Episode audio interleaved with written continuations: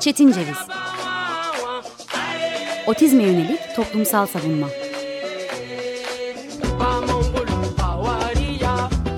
Hazırlayan ve sunan Deniz Yazgan. Zorlu Holding Sürdürülebilirlik Platformu Akıllı Hayat 2030, herkes için daha yaşanabilir bir dünya diler. Merhabalar, 94.9 Açık Radyo'yu dinliyorsunuz. Ben Deniz Yazgan, bugün 15 Temmuz 2020 Çarşamba. Otizmin yerel, bölgesel ve ulusal anlamlarını toplumsal savunma ilkeleri ışığında yorumladığımız Çetin Ceviz serisini dinliyorsunuz. Ee, aslında seri içinde seriyle karşınızdayız. Çünkü 1 Temmuz 2020 günü başlayan ve 3 ay boyunca devam edecek olan Otizm Politikaları ve Aktivizm serisinin ikinci programında Avukat Aynur Tuncel Yazgan'la birlikteyiz. Aynur Hanım hoş geldiniz. Merhaba, hoş bulduk. Ee, hızlıca başlayalım derim sizin için de uygunsa. Ee, teşhis ile tanışıklıkta başlangıç noktamız aynı güne tekabül ediyor ama e, otizme yüklediğimiz anlamların farklı olduğunu düşünüyorum. Sizce otizm nedir? Yani e, otizmin e, öncelikle ulusal eylem planında yapılan bir tanımı var. Resmi tanım haline geldi. Onu anımsatmak isterim. E, bir spektrum bozukluğu, genel bir tanı, yaygın gelişimsel bozukluk, birden fazla bozukluğu içeriyor. Erken çocukluk döneminde baş gösteriyor. Sosyal etkileşim, iletişim, dil gelişimi ve davranışlarda bu alanlarda bir e, gecikme, e, çoklu temel işlevlerin gelişmesine bir gecikme olarak görülüyor ve literatürde zihinsel yetersizliklerden sonra en sık rastlanan nörobilişimsel yetersizlik olarak e, değerlendiriliyor. Şimdi bence ne otizm ondan da bahsedeceğim ama ondan önce genel durumdan söz etmek istiyorum. Yani normal olmayan, anormal olan, genel kabul gören davranışların dışında davranışlar sergileyen bireylerden söz ediyoruz. Atipik bir durum otizm. Yani biz e, hukukta sorumlulukla ilgili değerlendirme yaparken bireyin gelişmişlik düzeyine bakarız. Davranışlarını yönlendirme yeteneği olup olmadığına bakarız. Toplum içindeki davranışlarını yönlendirirken davranışlarının ahlaki ve hukuki anlamlarını ve sonuçlarını değerlendirip değerlendiremediğini, öngörüp öngöremediğini, toplumdaki egemen değerlere göre e, düşünüp düşünemediğini ve buna göre e, kendini yönetip yönetemediğini anlamaya çalışırız. Buna göre fiil ehliyetinin ve sorumluluğunun olduğunu ya da olmadığını belirleriz ve kişi kendisini yönetebiliyorsa yaptığı eylemlerin sonuçlarına katlanır. Değil ise o zaman onu birinin koruması gerekir, kişiyi koruma altına almak gerekir ve onun e, verdiği zararları toplumsal olarak daha fazla kabul etme gibi bir sorumluluk var. Şimdi benim e, için hukukçu olduğum için aslında otizm insanların sorumluluğuyla ilgili e, farklı bir değerlendirmeyi gerektiren bir alan. Peki bu e, alandaki insanın durumu ne? Yani bir toplumun da insana bakış açısından otizmi tanımlamak lazım. Ne demek? Atipik bir durum. E, topluma karşı sorumluluğu tartışılır. Toplumun koruması gereken bir varlık. Peki o kişi ne durumda? Yani otizmli bir kişi nasıl ele alınmalı? Hakları neler? neler? Ona nasıl davranılmalı? Çünkü sağ ve ta, tam doğmakla o da e, bir hak ehliyetine sahip ve onun da e, zevkleri, tercihleri, e, istekleri var aslında. Fakat bunları dile getirirken, e, bunları dav- davranışlarına yansıtırken bizim ondan beklediğimiz şekilde davranmayan bir birey. Şimdi buradaki bu farklılık acaba bir hastalık mı, bir bozukluk mu, bir e, sağlık sorunu mu yoksa bir eğitim sorunu mu diye bakmak lazım. E, genel olarak bakıldığında şu söyleniyor, öğretiye bakıldığında burada bir gelişimsel sendrom var deniyor. Sosyal etkileşim ve iletişimde bir bozulma var ama bu bozulma önemli ölçüdeki bir bozulma. Atipik bir durum. Nasıl, nerede atipiklik var? E, kişinin toplumsallaşmasında, toplum, toplumla iletişim kurmasında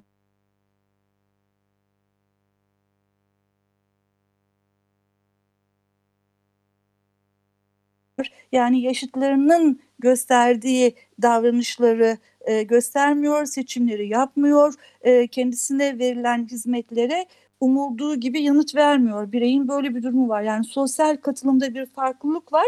Bunu gerileme olarak da değerlendirebiliyoruz. Tabii kişinin bu durumu yakınlarını ve ailesini de etkiliyor. Ailesi onunla daha fazla zaman geçirmek zorunda. Yani özel ilgiye ihtiyacı var bu kişinin. O özel ilgiyi e, bilinçli bir şekilde doğru saptayıp e, doğru e, biçimde sunmak gerekiyor. Dolayısıyla bireyin ve ailesinin eve kapanması, eğitimden, sağlıktan, mesleki eğitimden, süreç içinde istihdam edilmekten e, uzak kalması, toplumsallaşamaması yani sosyal katılımın e, geriye düşmesi gibi bir durum var. Şimdi Dünya Sağlık Örgütü sağlığı tam iyilik hali olarak tanımlıyor. Neymiş o? Sadece hastalık ya da sakatlık bu kelime bana ait değil zamanındaki resmi çeviride e, engelli ya da özürlü denmiyordu. Biliyorsunuz önce sakatlık deniyordu sonra hı hı. özürlülük dendi sonra engellik dendi. O yüzden resmi tercüme biz onu engellik olarak şu an değerlendirelim. Hastalık ve engellilik dışında kişinin fiziken, bedenen, ruhen ve sosyal yönden tam iyilik hali deniyor. Şimdi böyle bakıldığında otizm aslında bir sağlık sorunu gibi düşünüyorum ben. Yani tam iyilik diye modern toplumda tanımlanan e, halin dışındaki bir atipik durum. E, ve sadece bireyi değil demin de söylediğim gibi bireyin yakın çevresini de e, doğrudan etkiliyor ailelerin yaşam kalitesinde doğal olarak kaçınılmaz olarak bir geriye gidiş bir düşme oluyor. Ya bir aile ferdinin para kazanmayı e, öne çıkarıp otizmli bireyden uzaklaşıp çok para kazanıp pahalı hizmetleri satın almak için e, çocuğunun ya da ailesindeki yetişkin otizminin otizminin bakımını profesyonel ellere bırakıyor ya da böyle bir becerisi e, mesleği olana yok ise eve kapanıyor otizmli bireye bizzat kendisi bakıyor, kendisinden vazgeçiyor, kendi ideallerinden, kendi hedeflerinden, e, hayat senaryosundan vazgeçiyor ve kendisini otizmli bireye hasrederek e, onun üzerinden onu anlamaya, onun ihtiyaçlarını e, doğru tespit edip saptamaya ve sağlamaya yönelik çalışmaya başlıyor ve bu hem otizmli bireyin hem de kendisinin belki demin de söylediğim gibi eve kapanmasına ve bireysel gelişmelerde gerilemesine e, yol açıyor ve kendisine vakit ayıramıyor insanlar. Eğer bu noktada onlara toplumsal bir el uzanmıyorsa, onların sosyalleşmesi için, sağlık hizmetlerinin, eğitim hizmetlerinin sağlanması için aile ve otizmli birey desteklenmiyorsa o zaman otizm büyük bir yalnızlığa e, dönüşebiliyor ve karanlığa dönüşebiliyor. Otizm zaten ne olduğunu tam tanımlayamadığımız bir şey. Benim için otizm ne diye sorarsanız benim için bir gel git oğluma baktığımda, oğlum 18 yaşını bitirdi sizin de kardeşiniz Güneş. 18 yaşını bitirmiş bir delikanlıya baktığımda gel gitleri olan bir insanla karşılaştığımı düşünüyorum. Karşı karşıya kaldığımı. Yani 3 sene önce yapmadığı, yapmayı bıraktığı bir e, yanlış da, diye tanımlanan davranışı, alışkanlığı birdenbire tekrar yapar hale gelebiliyor. Ya da farklılık yani herkesin çok güldüğü bir şeye o hiç gülmeyebiliyor ya da herkesin hiç önemsemediği bir ayrıntıya o e, normal denen bireylerden daha fazla e, takılıp onu, onu kendine dert haline getirebiliyor. Mesela e, sizi de büyüttüm, e, o, Güneş'i de büyüttüm. E, bir buçuk yaşında e, sizinle salonda oynarken e, bir çift berliğin birinin bir tarafta olması, birinin bir tarafta olması Deniz'i hiç rahatsız etmiyordu ama Güneş'i bir yaşından beri 8-9 aylıktan beri çok rahatsız eder. Güneş hemen gider kıvrılan halı kenarlarını düzeltir. E, çift olan terlikleri, ayakkabıları bir araya getirir tabloların e, yamuk durmasından rahatsız olur. Masa üzerindeki bir leke onu çok rahatsız eder ve aslında daha 5 dakika önce kullandığınız çıtır çıtır ütülü bir e, masa örtüsünü alır kaldırır daha iyisini koymaya çalışır. Kırıntılardan rahatsız olur. Birdenbire ocağın üzerindeki tencereleri kaldırmak ister. Peki bunu niye yapıyorsun diye sorduğunda durur düşünür. Aslında normalde insan ne yapar bunları görür ama arka plana atabilir, erteleyebilir, önemsemeyebilir çok ciddi şekilde e, o anki anı rah rahatsız etmiyorsa ama otizmli diye tanımlanan bireyler bu takıldıkları noktalarla ilgili e, o sorunları baş etme konusunda farklı durumlar, farklı davranışlar sergiliyorlar. Dolayısıyla bir gelgit, bir farklılık aynı zamanda istikrarsızlık gelgite bağlı olarak yani örneğin Güneş yaşıtlarından çok önce bisiklet pedalı çevirmeyi öğrendi ama ince motorunu yaşıtlarının çok gerisinde e, tan tanımladı. Hala parmak uçlarını yüzde yüz verimli kullanamıyor. Ama öyle sporda davranışlar yapıyor ki aynı anda o kadar çok e, noktada birden dikkat sergileyebiliyor ki bu çocuk herhalde akrobat, e, sihirli yetenekleri olan biri diye düşünülüyor farklı yani e, nöro gelişimi farklı, e, bedensel gelişimi farklı, dikkatleri farklı noktalar, noktalarda gelişiyor. Yani kendine özgü bir durum aslında. İşte bu kendine özgü durum onun özel gereksinime sahip bir birey olarak tanımlanmasına yol açıyor. Yani benim için bu spektrum bozukluğu denen, yaygın gelişim bozukluğu denen, atipik denen durum benim için bir özel gereksinim halidir işte bu özel gereksinimin e, o bireyin e, yakınları ve toplum tarafından doğru gözlemlenip doğru tanımlanması, saptanması ve o özel gereksinimin giderilmesi ya da kişinin kendisinin bu sorunuyla baş etmesini öğrenip kendisinin gidermesine yönelik yetenek geliştirmesini sağlamak lazım. Yani ben aslında oğlumun bastonuyum bir yönüyle, dengeleyicisiyim. Ee, onun dayandığı, onun onay aldığı, onun yardım istediği, güvendiği ve sıkıştığı zaman kendisini kurtaracağını bildiği bir varlığın. Tek başına çünkü davranışlarını yönlendiremiyor ve e, her otizmde de farklı farklı durumlar görüyoruz ama örneğin oğlum için, Güneş için, kardeşiniz için konuşmam gerekirse Güneş kendi durumunun genellikle farkında. Örneğin takıldığı bir şeyi yapmaması gereken bir şeyi yaptığı zaman ne yapar Güneş en çok? Şampuanlara meraklı, hı hı. E, kozmetik ürünlere meraklı. Hı hı. E, biz bir restorana gittiğimizde masaya oturup yemek yemeye hazırlanırken Güneş masaya değil mutfağa gidip e, mutfak temiz mi onu kontrol etmek istiyor. E, tencereler ne durumda? e, tabaklar iyi temizlenmiş mi, sabunlar nerede onu kontrol etmek istiyor ve e, beğendiği bir sabunun içine de tükürmek istiyor. Niçin bunu yapmak istiyorsun dediğimde Elimde değil ne yapayım bakışı fırlatıyor bana. Ama yapmaman gerekli dediğimde evet haklısın deyip e, o sabunu masanın üzerine koyabiliyor. Bunun e, aslında yapılmaması gereken bir davranış olduğunu o da biliyor ve bakışlarıyla benden yardım istiyor. Anne bak buraya giriyoruz ben her anda atabilirim. Lütfen e, bana destek ol. Biraz mızıkabilirim, şımarabilirim. Beni idare et bakışıyla. Ama önemli olan ben şuna bakıyorum. Oğlum o restorana girmek istiyor mu istemiyor mu? Hı hı. O yemeği yemek istiyor mu istemiyor mu? Onun sosyalleşmesi açısından, iyi bir gün geçirmesi açısından bizim o restorana girmemize gerekiyorsa, o parka gitmemize e, o, ne, gitmemiz için bir neden varsa biz bunu e, milletin e, olumsuz bakışlarına, cıkcıklamalarına, ayıplamalarına, e, bizi dışlamaları riskine rağmen yapıyoruz. Çünkü çocuğumuz bir birey. Çünkü anayasa ona e, bir takım haklar tanımış hı hı. ve onun e, toplumsallaşabilmesi için bu normal denen davranışları daha fazla sergileyebilmesi için bu denemelerin daha fazla yapılması lazım. E, ben oğlumla toplum arasındaki bir bağım. Sen öylesin, baban öyle. O, evimizdeki gölge öğretmen, yardımcı hanım öyle. Bizler onun e, toplumlaş, toplumsallaşmasını sağlıyoruz. Servis şoförü öyle sabah gelip güneşi alıp servise bindirip okula götürüyor. Okulda öğretmenleri bir değerli varlık güneş gelmiş diyerek kucaklayarak karşılıyor. Okula gidiyor, ait olduğu bir grup oluyor. Orada kendisine özgü eğitimler alıyor ve bizim keşfetmediğimiz yetenekleri ve ilgileri keşfediliyor. Örneğin e, siz bilir miydiniz güneşin toprağa ilgi duyduğunu? Ben okulu sayesinde. Ben evet. bilmiyordum. Şu Hı-hı. an gittiği lisede e, tarım dersi de var. Biz de bahçeli bir evde oturduğumuz halde güneşin bu ilgisini keşfetmemiştik ama tarım dersi güneşin toprakla, e, çiçeklerle, e, böceklerle, tohumlarla ne kadar ilgili bir çocuk olduğunu ortaya koydu.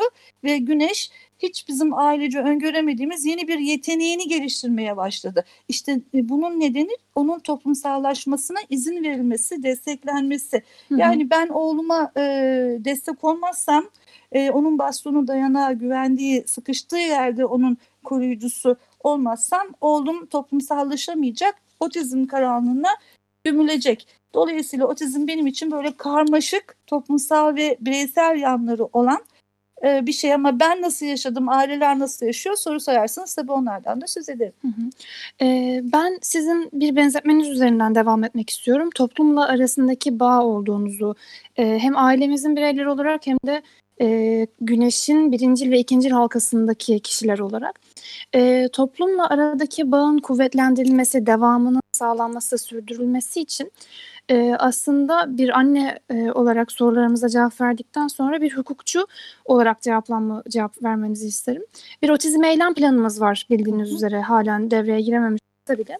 Devreye girmesini evet e, devreye girmesini istediğimiz bir eylem planı var. E, bu eylem planını nasıl yorumladığınızı bir hukukçu olarak sormak istiyorum ve ardından kendinizi bir otizm aktivisti, otizm hakları savunucusu olarak tanımlayıp tanımlamadığınızı sormak istiyorum. Yani ben e, kendimi otizm aktivisti diyebilir miyim bilmiyorum ama bir insan hakları aktivisti olduğumu, bir hak savunucusu olduğumu biliyorum. E, 85'te avukat oldum.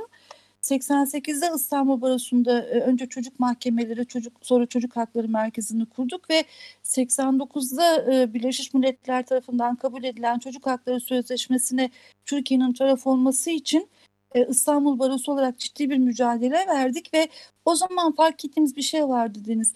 E, kamusal alanda mücadele eden resmi makamlar gibi e, sivil toplum kuruluşlarının da birbirinden haberi yoktu. Bir iletişim kopukluğu vardı. Onun üzerine biz e, yapılan hizmetleri öğrenmeye çalışırken, çocuk mahkemesine bunları göstermeye, hakimlere yardımcı olmaya çalışırken e, suç şüphesi altındaki çocukların avukatları olarak bu iletişimi gidermek gerektiğini fark ettik. Sonra bu iletişimi kurmaya başlayınca e, işbirliğinin gerekli olduğunu, iş bölümü yapmak gerektiğini fark ettik. O zaman herkesin birbirini izlemesi gerektiğini fark ettik ve birlikte politikalar üretmek gerektiğini fark ettik ve 92 yılında Çocuk Hakları İşbirliği Konseyi'ni kurmuştuk. Sonra bu konsey uzman kişiler, ilgili sivil toplum kuruluşları temsilcileri ve kamusal makamlardaki görevlilerin bir araya geldiği sivil toplumla kamusal makamların birlikte politika üretmeye, yaklaşımlarını paylaşmaya, önyargılarını kırmaya yönelik bir okul oldu. Ardından Habitat geldi. Daha sonra da işte Avrupa Birliği uyum sürecinde bu sivil toplum macerası aldı başını gitti. Şimdi bu e, eylem planını da baktığımız zaman aslında e, otizm platformunun çalışması sonucunda ortaya çıkmış bir e, plan olduğunu bilmek lazım. Yani önce 2006'da platform kurulmuş, e, bu platform 2014'e kadar çalışmış ve e, bu platformun içinde e, bildirgeler yayımlanmış. Bu bildirgelerden sonra bir otizm eylem taslağı hazırlanmış. E, bu aileden e, sorumlu devlet bakanlığı tarafından dikkate alınmış, birlikte çalışmalar yapılmış ve bu taslak üç buçuk sene sonra kabul edilmiş. Yani Fatma Şahin zamanında e, Dünya Otizm Günü'nde e, Nisan ayında 2013 yılında bu rapor açıklanıyor bakan tarafından. E, ama işte araya o haller giriyor, bakanlar sürekli değişiyor, kadın bakan sayısı biliyorsunuz hatırlayın. E, Üç buçuk sene sonra bu taslak rapor haline gelmiş. 3 Haziran 2016'da rapor yayımlandı ve 3 senelik bir e, bir bölümü hariç bir bölümde süreklilik sınır süresizlik var. 3 sene içinde bitirilmesi gereken çalışmalardan bahsedildi. Süre bitti ama o çalışmalar ne kadar yapıldı tartışılır. Yani baktığımızda 6 tane eksen var. E, ama iki temel eksen var. Bir tanesi toplumun bilinçlendirilmesi, toplumun e, otizmle ilgili e, bilgi, e, bir farkındalık sahibi olmasını sağlamak. Diğeri ise otizmli aileler ve otizmli bireylere destek programlarının hizmetlerinin sunulması ve bununla ilgili altı ayrıntılı plan yapılmış. Bu plan yıllarca e, mücadele veren deneyimi, uzmanlığı, birikimi olan kişiler tarafından e, oluşturulmuş bir plan ve devlet tarafından da ilan edildi, resmi gazetede yayınlandı. Ama e, sadece ilk bölümünü yani farkındalık çalışmaları ve kurumsal işbirliği bakımından bir olumlu gelişmeye yol açtı. Fakat erken tanı tedavi müdahale zincirinin kurulması, ailelere yönelik hizmetlerin geliştirilmesi, eğitsel değerlendirmeler, özel eğitim, destek eğitimleri, istihdam süreçleri, sosyal hizmet, sosyal yardım ve toplumsal yaşama katılmayla ilgili süreçlerde e, ne kadar başarı elde edildiğini e, konuya ilgi duyan herkes biliyor. Üstelik de bu üç yıllık bir süreyle denenmiş bir e, çalışma. E, bence e, eylem planının büyük kısmı hayata geçirilemedi ya da belki ilk tohumları atıldı. O yüzden eylem planında bence ne yazdığının bir önemi yok. Eleştirmek de çok kolay. E, bizim devletimiz böyle güzel e, belgeleri yayımlıyor belki Avrupa Birliği'ne karşı ya da talep sahibi hak savunucularını sakinleştirmek ve onlarla işbirliği yapmak adına belki gerçekten de görevlerini fark etmesini sağlıyor. Yani sivil toplumun bu konuda en önemli görevi devlete ve resmi makamlara alanı tanıtmak, e, taleplerini ileri sürmek ve ihtiyaçlarını kabul ettirerek buna uygun hizmetler üretilmesini sağlamak. Yani hizmet alan değil, hizmeti tanımlayan, hizmetin içeriğini belirleyen ve hizmetin verilmesine katılan aktif yani kılgıcı, tarihin kılgıcısı olan bir e, insan tipi otizmli e, aileler. E, devlet bunu gördü, bunlarla birlikte çalışmaya başladı. O yüzden e, süslü laflar diye görülebilir ama ben billurlaştırılmış ilkeler olduğunu düşünüyorum. Yabana atılmamalı diyorum. Ama hayata geçmedi.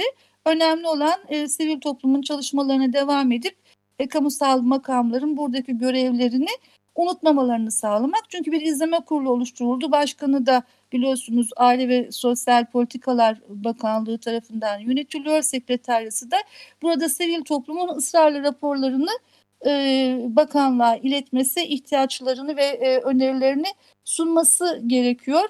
En azından makamlar, resmi makamlar görevlerini kabul ettiler. İş bölümü yaptılar ve plan yaptılar. Hayata geçirememiş olabilirler. Bu minik bir ayrıntı. Biz zaten yalnız olmaya alışığız. Biz otizmle hep yalnız mücadele ettik. İnsanlar önce başlarına ne geldiğini anlamaya çalışıyorlar. Önce reddediyorlar belki. Sonra kabullenme süreçleri oluyor. Sonra anlamaya ve öğrenmeye çalışıyorlar. Anlayıp öğrendikten sonra da bunu topluma deklare etmeye işte ailesine, okula, doktoruna, doktorlar kabul etmiyorlar. Benim doktorum öldü adını vermeyeceğim. İki buçuk yaşına kadar hayır sen yanılıyorsun dedi. Ama yanılmadığım ortaya çıktı. Ben yanılmayı çok isterdim. Ama ben kazandım anne olarak görüyordum. Farklı olduğunu biliyordum. Onu gidermeye çalışıyordum. O yüzden iki buçuk yaşında resmi eğitim başladı ama fiilen sen de biliyorsun çok küçüktün ama hatırlayabilirsin. Hı hı. Biz Güneş'e bir buçuk yaşında senle babaannenle otizm tanısı aile içinde kurdu, koyduğumuzda e, diğer aile bireylerine inat bir şeyler yapmaya başlamıştık. Araştırmaya, e, örnek e, modelleri tanımaya başlamıştık. Yani dolayısıyla insanlar önce yalnız yaşıyorlar bir süreci sonra dönüp bakıyorlar kendilerine ben niye yalnızım? Niye toplum beni yalnız bırakıyor? Sonra dönüp topluma sizin sorumluluğunuz yok mu? Beni niye yalnız bırakıyorsunuz diyor. İşte otizm eylem planı bu noktada bence çok değerli e, bir çalışma. Topluma da hem otizmi öğretiyor hem de toplumun otizmle ilgili görevlerini öğretiyor. Yani şahane bir toplumsal savunma örneği ve mücadele örneği önemli olan o ufak ayrıntıyı gidermek yani nedir o? Bunların hayata geçmesini sağlayıcı etkili e, çalışmalar yapabilmek. Hı hı. E, yalnızlıkla aslında devam etmek isterim programımıza bir ikinci seri daha sizinle beraber seri içindeki serinin serisi olarak devam etmek isterim. Size son kez sorumuzu sorduktan sonra programı kapamamız gerekecek. E, siz aktivizm boyutunda e, insan hakları taktiklerinden söz ederken yeni bir taktiğe ihtiyaç olduğunu düşünüyor musunuz? E, Sayın Turgut Taran hocamızın da belirttiği aslında analoji gibi e, otizme yönelik değişimdeki alet edevat kutumuzdaki en güzel parça henüz gelmemiş olan mı yoksa henüz kullanılmamış olan mı? Yani ben e, her şeyi yeniden yeniden keşfedebileceğimizi zannetmiyorum. Otizm zaten bize her an e, yeni şeyleri keşfetmeye zorlayan bir bilinemezlik. Aslında biz hala bilinmeyen nedeni tam olarak öğrenilmemiş e, tahminler, olasılıklar üzerine e, yürüyen e, bir süreç içindeyiz. Dolayısıyla e, şunu muhafazakar bir yaklaşım sergileyeceğim burada.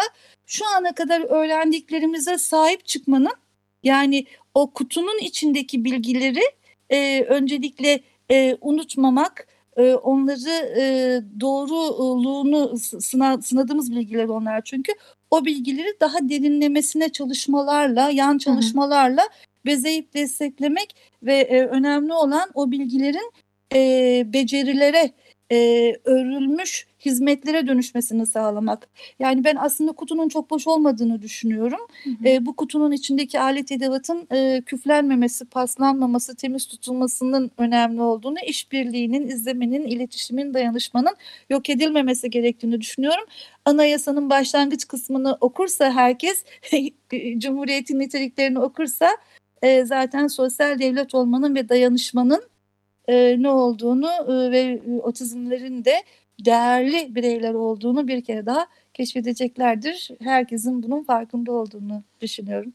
E, işbirliği ve iyileşme dileklerinize katılarak bir sonraki programda da sizden e, söz alma isteğiyle e, Çok isterim. devam etmek e, isteriz. Anayasa neler getiriyor anlatmak isterim. Çok mutlu oluruz. İki hafta sonra tekrar görüşmek üzere. Hoşçakalın.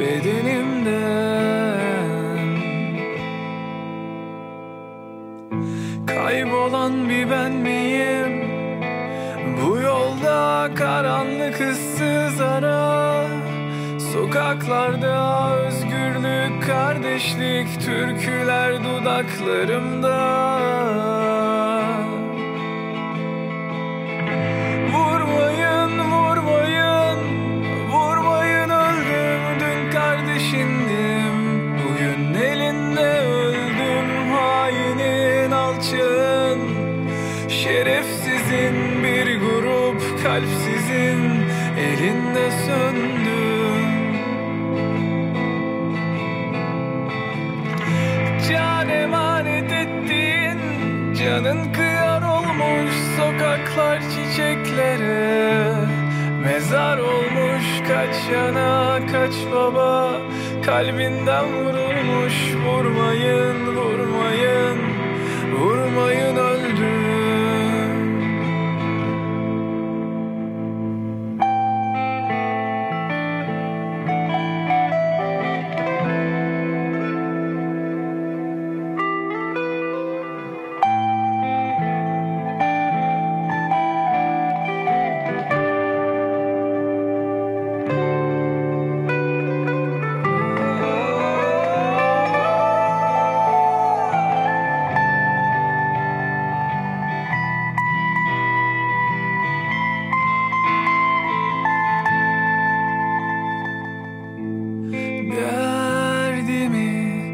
Anlatsam geçer mi gözyaşım?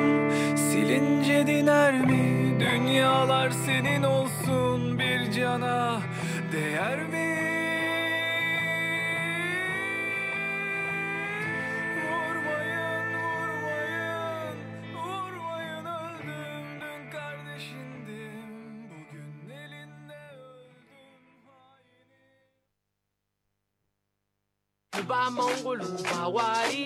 Çetin Ceviz. Otizme yönelik toplumsal savunma.